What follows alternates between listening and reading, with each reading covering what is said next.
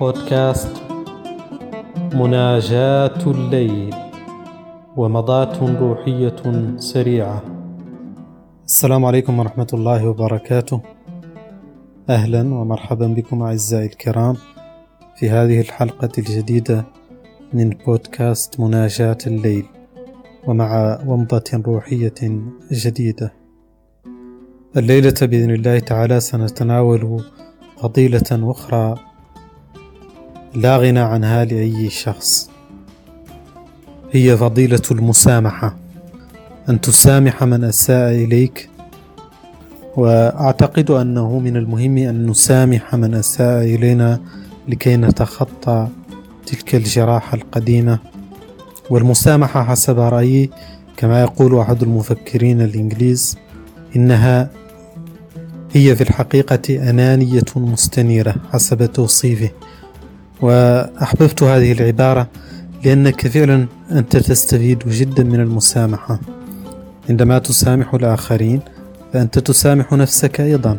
أنت تحررها من ربقة الإحساس آه، بالغضب والإحساس بالظلم والغبن وهذا ما يجعلها مفيدة لك جدا أنت المسامح قبل الشخص المسامح. فمن يعيش حياته على واقع الغبن أو تصوره أو على واقع أنه مظلوم أو تم التعدي عليه فضلا عن حمل الأحقاد وقد قالت العرب لا يحمل الحقد من تعلو به الرتب. فحمل الحقد من أسوأ ما يمكن أن يجني المرء على نفسه قبل الغير. ولذلك من المهم جدا أن نتفهم أن من أساء إلينا قد يكون أساء إلينا بمشكلة فيه هو. قد تكون بشيء سمعه عنا وليس حقا.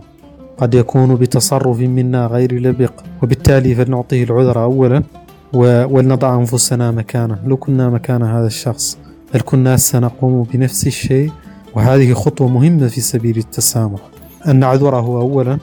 ثانيا أن نسامحه ونسامح أنفسنا لكي نتخطى هذا الشيء. كما يقولون فلندع الماضي يمضي. وقد قرأنا الكثير من القصص عن أناس قد أسيء إليهم في فترة من حياتهم ثم أثرت تلك الإساءة على أعمارهم جميعها فانقلبوا من سعادة إلى نكد وحقد لازمهم حتى نهاية العمر. وأي شيء يستحق ذلك؟ أي شيء يستحق أن تدفع من أجله سعادتك وحياتك كلها من أجل شيء موقف أو كلمة أو فعل قام به أحدهم ربما كما أسلفنا لأسباب متعددة وربما لو كنت مكانه لكنت فعلت نفس الشيء فلنتعظ من هذا ولا ندفع للشيء أكثر من قيمته. وأتذكر أن كتاب داعي القلق وابدأ الحياة قد أفرد آه، فصلا لهذا الموضوع مذكرا ببعض القصص الناس الذين دفعوا للشيء أكثر من قيمته. فأفسد عليهم حياتهم وأفسد سعادتهم ولم يكن يستحق كل ذلك. وقد قرأت مرة أن في الصين مثلا يقول إن الشتيمة لا تضرك ولكن يضرك التفكير فيها. فلنتصور أن أحدهم شتمك الآن في مكان ما من هذه الكرة الأرضية. هل ستضرك تلك الشتيمة وأنت لم تعلم بها؟ ولكن تفكيرك فيها ومن أوصلها إليك هو من شتمك بالفعل. فمن تحدث عنك بالغيب فهو يجلك كما قال الشاعر اقبل معاذير من يأتيك معتذرا إن بر عندك فيما قال أو فجر فقد أجلك من يرضيك ظاهره وقد أطاعك من يعصيك مستترا أو كما قال الشاعر فمن يقول وراء ظهرك فهو يجلك وربما يحسدك على نعمة ما آه، أنت في مخيلته أنت حاضر في ذهنه وتستحق أن يفكر فيك. وهذا كله إيجابي. فلنأخذ هذا المنحى الإيجابي ولنترك الشتيمة. ولا نتصرف على أساسها ونحاول أن ننساها تماما. هذا حسب رأيي هو التصرف الأسلم لنا أولا ثم للأشخاص الآخرين.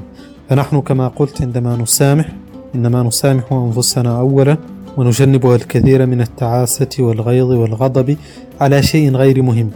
كلمة أو فعل أو تصرف قام به الشخص لا يضرنا ما لم نعطيه أكثر من حجمه ولكنه قد يكون مضرا وهداما إذا لم ندعه يمضي وحاصر حياتنا وجعلنا نفكر فيه وفي قائله. ثم القضية الثانية هي قضية محاولة النيل من الشخص ومحاولة رد الصعصعين. هذه أيضا حماقة كبيرة. فمحاولة الثأر ممن أساء إلينا هي أكبر حماقة لأنك سترد له الإساءة بالإساءة وربما زدت عليها وهذا سيعطي للموضوع أكثر من حجمه ويعطي للشخص أكبر من حجمه كما أنه سيضرك وينغص حياتك وسعادتك. فلنترك الأمور تمضي ولا نبت ليلة إلا ونحن نسامح جميع من أساء إلينا وجميع من مروا في حياتنا. فالإنسان بطبعه ضعيف وكلنا معرض لأن يرتكب نفس الفعل فلا نزكي أنفسنا ولنعلم أننا معرضون لنفس الشيء وربما نحن أيضا أسأنا لكثيرين. فنرجو بمسامحتنا الناس أن يسامحونا وأن يسامحنا الله قبل كل ذلك. هذا ما سمح به الوقت الليلة في هذه الومضة السريعة. شكرا لكم أحبائي والسلام عليكم ورحمة الله وبركاته.